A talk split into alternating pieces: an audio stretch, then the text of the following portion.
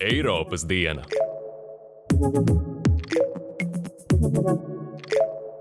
Sveicināti Eiropas dienā! Es esmu Monika Cālīte. Un es, Andris Auzāns.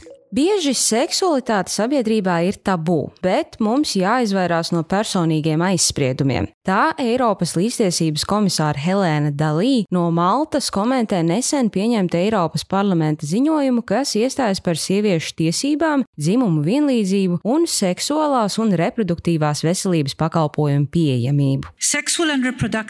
Seksuālā un reproduktīvā veselība ir neatņemama mūsu vispārējās veselības sastāvdaļa. Dažkārt seksuālās un reproduktīvās veselības pakalpojumus neuzskata par tikpat būtiskiem kā citus veselības aprūpas pakalpojumus, bet tas ir ļoti nepareizi. Eiropas zaļais kurs un mērķis par klimata neutralitāti līdz 2050. gadam vairs nav tikai skaļu politisku paziņojumu un ambiciozu plānu līmenī, bet no ieguvis likuma aprises. Pēc ilgstošām sarunām, asām debatēm un centieniem noguldināt viedokļu atšķirības, Eiropas parlaments pieņēmis Eiropas Savienības klimata aktu likumu, kurā nostiprināta Eiropas centieni globālās sasilšanas mazināšanā. Tajā ir noteikti mērķi līdz 2030. gadam mazināt Eiropas Savienības siltumnīca efekta gāzu emisijas par 55 5% salīdzinot ar 1990. gada līmeni un līdz 2050. gadam panākt klimata neutralitāti. Tiesa gan Eiropas Savienības klimata akts pieņemts bez daļas zaļo grupas deputātu atbalsta, kuri uzskatīja, ka klimata aktā izvirzītie uzdevumi ir nepietiekami, jo nesasniegs Parīzes klimata nolīguma mērķus. Man žēl, ka ar šo likumu nepietiks, lai sasniegtu Parīzes klimata nolīguma mērķus. Lai izvairītos no postošām klimata pārmaiņām, mums ir nepieciešama ātra un konkrēta rīcība.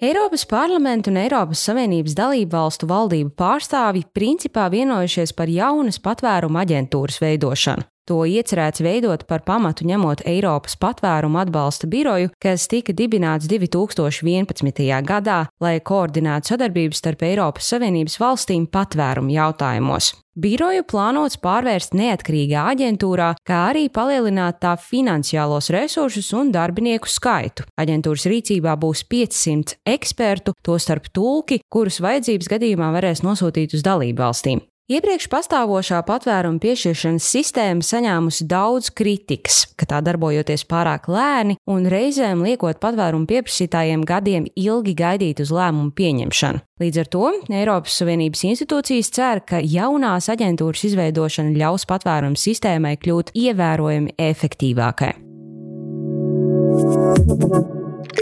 Eiropas komisija varētu apsvērt iespēju uz laiku pārtraukt vīzu izsniegšanu Baltkrievijas pilsoņiem saistībā ar lielu skaitu nelegālo imigrantu ierašanos no šīs valsts. Tā paziņojusi Eiropas Savienības iekšlietu komisāra Ilva Johansone, Eiropas parlamenta ārlietu komitejas un pilsoņu brīvību tieslietu un iekšlietu komitejas kopīgajā ārkārtas sēdē. Johansone norādīja, ka Eiropas Savienība joprojām vēlētos uzturēt kontaktus ar vienkāršiem Baltkrievu cilvēkiem, bet pieļāva, ka eh, kaut ko tādu varētu apsvērt. Komisārs uzsvēra, mums jābūt gataviem izmantot visus mūsu rīcībā esošos līdzekļus. Jau ziņots, ka šogad Lietuvā aizturēti vairāk nekā 1600 nelegāli imigranti, kas ieradušies no Baltkrievijas, un tas ir apmēram 20 reižu vairāk nekā visā pagājušajā gadā. Lietuvas amatpersonām ir aizdomas, ka Baltkrievijas režīms apzināti veicina migrantu plūsmu pāri abu valstu robežai. Baltkrievijas autoritārais līderis Aleksandrs Lukašenko, reaģējot uz jaunajām Eiropas Savienības sankcijām, pagājušajā mēnesī paziņoja, ka Baltkrievija vairs neaizsargās Eiropu no nelegāliem imigrantiem.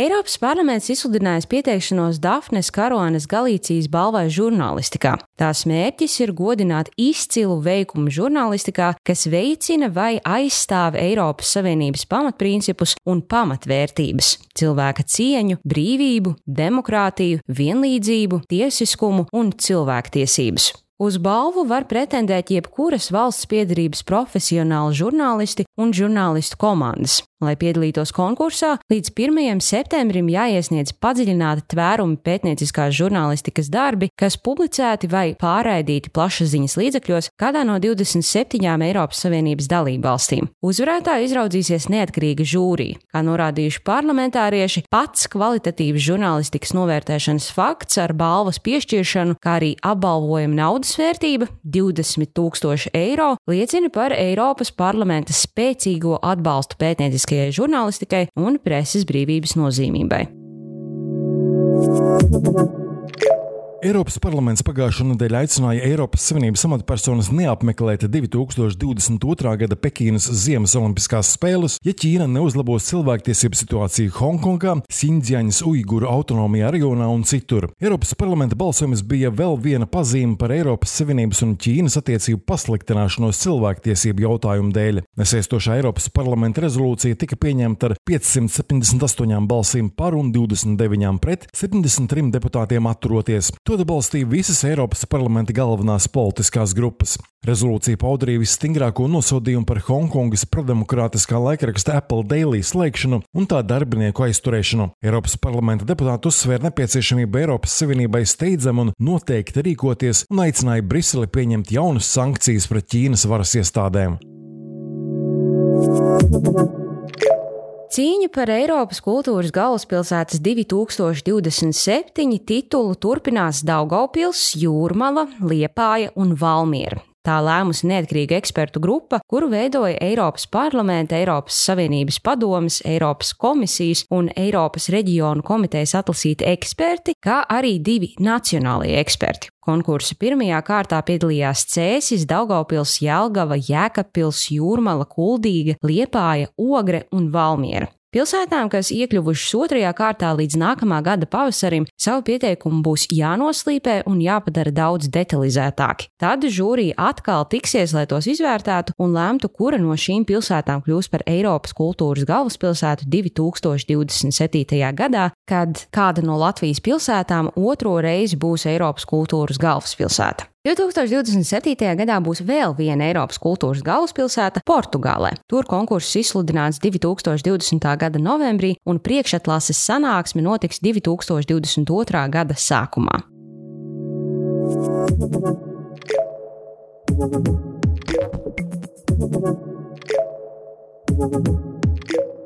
Bieži seksualitāte sabiedrībā ir tabū, bet mums jāizvairās no personīgiem aizspriedumiem. Tā Eiropas līdztiesības komisāra Helēna Dalī no Maltas komentē nesen pieņemtu Eiropas parlamenta ziņojumu, kas iestājas par sieviešu tiesībām, dzimumu vienlīdzību un seksuālās un reproduktīvās veselības pakalpojumu pieejamību. Ar 378 balsīm par, 255 pret un 42 atturoties, pieņemtajā ziņojumā Eiropas parlamenta deputāti mudina dalību valstis aizsargāt un uzlabot sieviešu seksuālo un reproduktīvo veselību un tiesības. Eiroparlamentārieši norāda, ka tiesības uz veselību, jo īpaši seksuālās un reproduktīvās veselības tiesības, ir sieviešu pamatiesības un dzimumu līdztiesības pamatelements, ko nekādā veidā nevar nedz ierobežot, nedz arī atcelt. Ja mēs vēlamies, lai mūsu īstenotā politika un veiktie pasākumi darbotos, jāpanāk, ka informācija par seksuālo veselību ir precīza un visaptveroša. Kopā Eiropas Savienības dalību valstis var novērst sieviešu tiesību pārkāpumus un veicināt seksuālās un reproduktīvās veselības pakalpojumu pieejamību visiem, Atkāpšanās un acu pievēršana uz sieviešu tiesību pārkāpumiem nav risinājums. Vienīgais variants ir turpināt gūt panākumus veselīgākas un taisnīgākas Eiropas izveidē, un šis ir tas ceļš, pa kuru mēs turpināsim iet. Deputāti uzsvēruši, ka sieviešu seksuālās un reproduktīvās veselības tiesību pārkāpumi ir pret sievietēm un meitenēm vērstas vardarbības veids, kas arī dzēn kavē virzību uz dzimumu līdztiesību. Seksuālā un reproduktīvā veselība ir neatņemama mūsu vispārējās veselības sastāvdaļa. Dažkārt seksuālās un reproduktīvās veselības pakalpojumus neuzskata par tikpat būtiskiem kā citus veselības aprūpas pakalpojumus, bet tas ir ļoti nepareizi.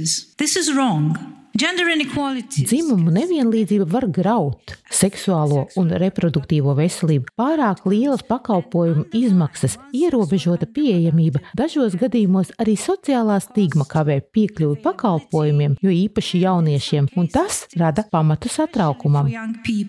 Paziņojumā Eiropas Savienības dalību valstis aicinātas nodrošināt sievietēm augstas kvalitātes, visaptverošus un viegli pieejamus seksuālās un reproduktīvās veselības pakalpojumus, kā arī likvidēt visus juridiskos, politiskos, finansiālos un citus šķēršļus, kas traucē sievietēm brīvi šiem pakalpojumiem piekļūt. Parlaments arī pieprasīs, lai Eiropas Savienības dalībvalstis nodrošina piekļuvi augstas kvalitātes kontracepcijas metožu un piedarumu klāstam un piekļuvi konsultācijām par ģimenes plānošanu.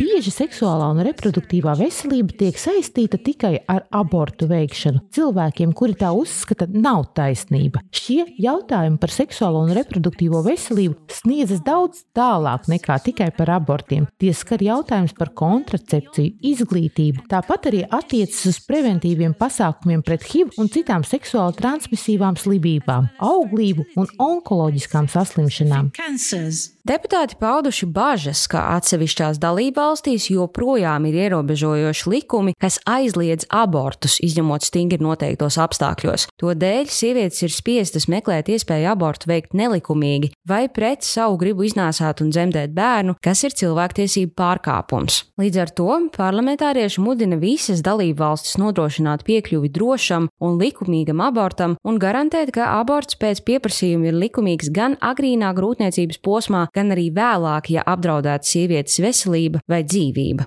Ziņotājs Predraks Matičs no Horvātijas uzsvērs, ka pieņemtais ziņojums iezīmē pavisam jaunu laikmetu, kurā sieviešu tiesības ir prioritāte un to ierobežošanai vairs nav vietas.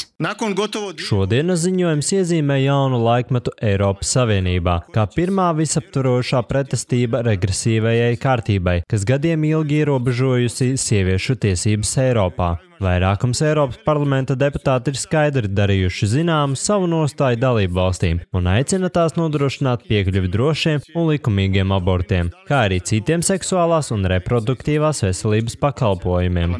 Ziņojumā pausta nožēla, ka dažas dalībvalstis atļauj ārstiem un medicīnas iestādēm atteikt veselības aprūpas pakalpojumu sniegšanu tās sauktās sirdsapziņas klauzulas dēļ saistībā ar reliģiju vai pārliecību. Jau iepriekš Eiropas parlaments nosodījis sieviešu seksuālās un reproduktīvās veselības tiesību pasliktināšanos, piemēram, Polijā, uzsverot, ka Eiropas Savienībai ir juridisks pienākums šīs tiesības aizsargāt. Arī dzen Eiropas cilvēktiesību tiesa atzinusi, ka ierobežojošie tiesību akti abortu jomā pārkāpj sieviešu cilvēktiesības. Līdz ar to deputāti pasvītrojuši, ka sieviešu cilvēktiesību un dzimumu līdztiesības nodrošināšanai ir būtiski sniegt netraucētu, saulaicīgu piekļuvi reproduktīvās veselības pakalpojumiem, kā arī garantēt sieviešu reproduktīvo autonomiju un tiesības pašām pieņemt lēmumus. Parlaments arī mudinājis dalībvalstis nodrošināt, lai pamatskolas un vidusskolas audzēkņiem vispusīgi mācītu dzimumu izglītību, uzsverot, ka izglītība šajā jomā var ievērojami palīdzēt mazināt seksuālo vardarbību.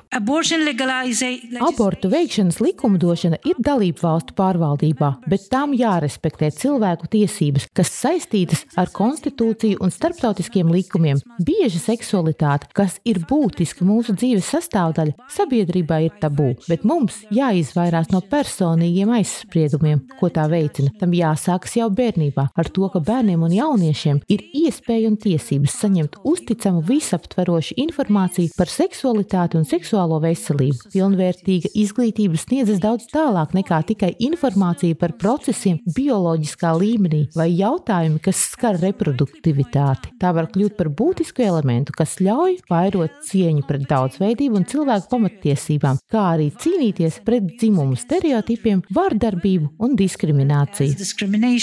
Deputātu atzinumā pamatā dzimumu nevienlīdzībai ir stereotipiski uzskati un viedokļi par to, kā vīriešiem un sievietēm būtu jāuzvedas sabiedrībā. Tādēļ Eiropas komisija sāks Eiropas līmeņa komunikācijas kampaņu, apkarojot dažādus dzimumu stereotipus un fokusējoties tieši uz jauniešu informēšanu un iesaisti, uzsverot, cik būtiski ir gūt atbalstošu izpratni par šiem jautājumiem jau jaunībā.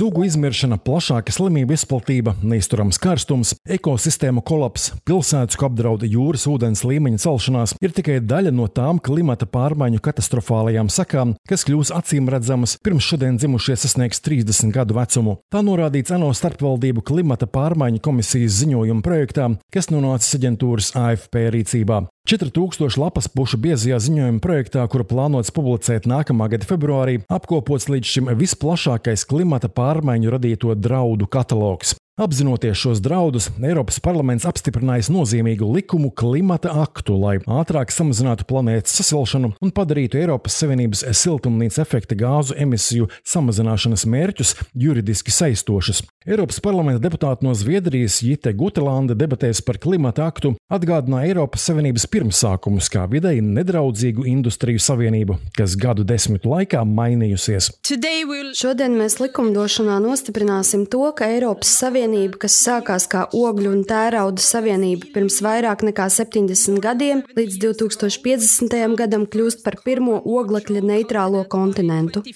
Oglekļa neutralitāte ir līdzsvars starp emitēto, arī cilvēka darbības rezultātā radīto oglekli un to oglekli, ko no atmosfēras absorbē oglekļa piesaistītāji, piemēram, augsne, meži un okeāni. Lai panāktu oglekļa neutralitāti, visa pasaules siltumnīca efekta gāzu emisija būs jālīdzsvaro arī piesaistot oglekli no atmosfēras, kas panākams nevien piemēram stādot mežus, bet arī radot jaunas tehnoloģijas oglekļa piesaistē. 2019. gada decembrī Eiropas komisija nāca klajā ar Eiropas zaļo kursu plānu, kā Eiropai līdz 2050. gadam kļūt klimata neitrālai. Šo mērķi palīdzēs sasniegt Eiropas klimata akts, ar kuru klimata neutralitāte Eiropas Savienībā kļūst par juridiski saistošu pienākumu. Eiropas Savienības klimata aktā ir noteikti mērķi līdz 2030. gadam samazināt Eiropas Savienības siltumnīca efekta gāzu emisijas par 55% un līdz 2050. gadam panākt nulles emisiju līmeni jeb klimata neutralitāti. Lai arī sākotnējais mērķis līdz 2030. gadam palielināts no 40 līdz 55%, tomēr Eiropas parlamenta zaļo grupa ar to nav mierā, jo vēlējās straujāku emisiju samazinājumu. Uz to debatēs par klimata aktu norādīja deputāti deputāte no Luksemburgas Tilija Metsa, kas pārstāv Zaļo un Eiropas brīvās apvienības grupu.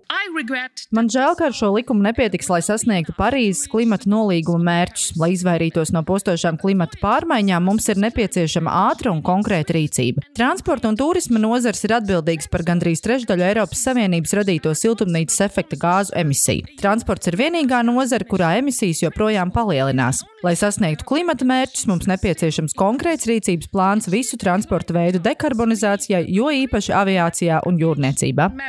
Klimata mērķu sasniegšanā būs jāiesaistās arī daudzām citām nozarēm, investējot jaunās videi draudzīgās tehnoloģijās, atbalstot inovāciju rūpniecībā, ieviešot tīrākus, lētākus un veselīgākus privātā un sabiedriskā transporta veidus, dekarbonizējot enerģētikas nozari, arī palielinot ēku energoefektivitāti. Lai panāktu izmaiņas daudzās iesaistītajās nozarēs, liels darbs gaidāms arī Eiropas Savienības likumdevējiem, jo lielākā daļa Savienības likumu ir izstrādāta, lai sasniegtu bloka iepriekšējo mērķi līdz 2030. gadam samazināt emisijas par 40%, kas tagad ir jāatjaunina, lai sasniegtu jauno mērķi 55% robežu. Eiropas parlamenta deputāts no Francijas Paskāls Kanfāns debatēs aicināja balsot par likumu, kas tomēr par spīti zaļo grupas kritikai ir liels solis uz priekšu. Protams, mums ir jābalso par klimata akta pieņemšanu. Atļaušos sacīt, ka zaļo nostāja balsojot pret šo klimata aktu ir bezatbildīga. Politiski runājot, ja mēs visi paliktu pie sava viedokļa, šis akts nekad netiktu izpildīts, un mēs paliktu pie 40% siltumnīca efekta gāzu emisijas. Bet šodien mēs esam gatavi spērt šo soli un uzņemamies mūsu pienākumus. Parlaments Eiropas Savienības klimata aktu oficiāli apstiprināja ar 442 balsīm par, 203 pret un 51 deputātam atturoties. Daļa likumdevēja no zaļo grupas atturējās, prasot vērienīgāku, proti 60% emisiju samazinājumu līdz 2030. Gadam. Savukārt likumdevēja no vairākām grupām, ieskaitot labējo identitātes un demokrātijas grupu likumu, noraidīja. Pēdējā gada laikā darbs pie likuma saskaņošanas turpinājās neskatoties uz Covid-19 izplatības radīto krīzi, kad dalību valstīm aktuālāki varētu šķist piemēram bezdarba un ekonomikas atvesļošanas jautājumi, nevis tālajoši plāni vides aizsardzībā. Tā kā vērienīgie un arī finansiāli ietilpīgie plāni paredzēti turpmākajiem gadu desmitiem, Eiropas komisijas viceprezidents Frans Timermans debatēs par klimata aktu uzsvēra, ka tas nepieciešams, lai dažādu problēmu gūzmā par klimata jautājumiem neaizmirstu. Kā mēs redzējām ar pandēmiju, vienmēr būs jautājumi, kas varētu novērst mūsu uzmanību no vēsturiskās atbildības par cilvēces glābšanu, jo tieši to mēs darām ar klimata politiku. Bet tad mums ir likums, uz kuru atsaukties. Tas paliks kā likuma ietvars, neatkarīgi no tā, kāda šajā ceļā varētu gadīties traucēkļi. Saskaņā ar Eiropas parlamenta priekšlikumu tiks izveidota Eiropas zinātnes konsultatīvā padome klimata pārmaiņu jomā, lai uzraudzītu Eiropas Savienības mērķu sasniegšanu un novērtētu, vai Eiropas politika šiem mērķiem atbilst bet Eiropas komisija ik pēc pieciem gadiem novērtēs visu Eiropas Savienības dalību valstu kopējo progresu, kā arī valstu pasākumu konsekvenci, virzoties uz mērķi par klimata neutralitātes sasniegšanu 2050. gadā.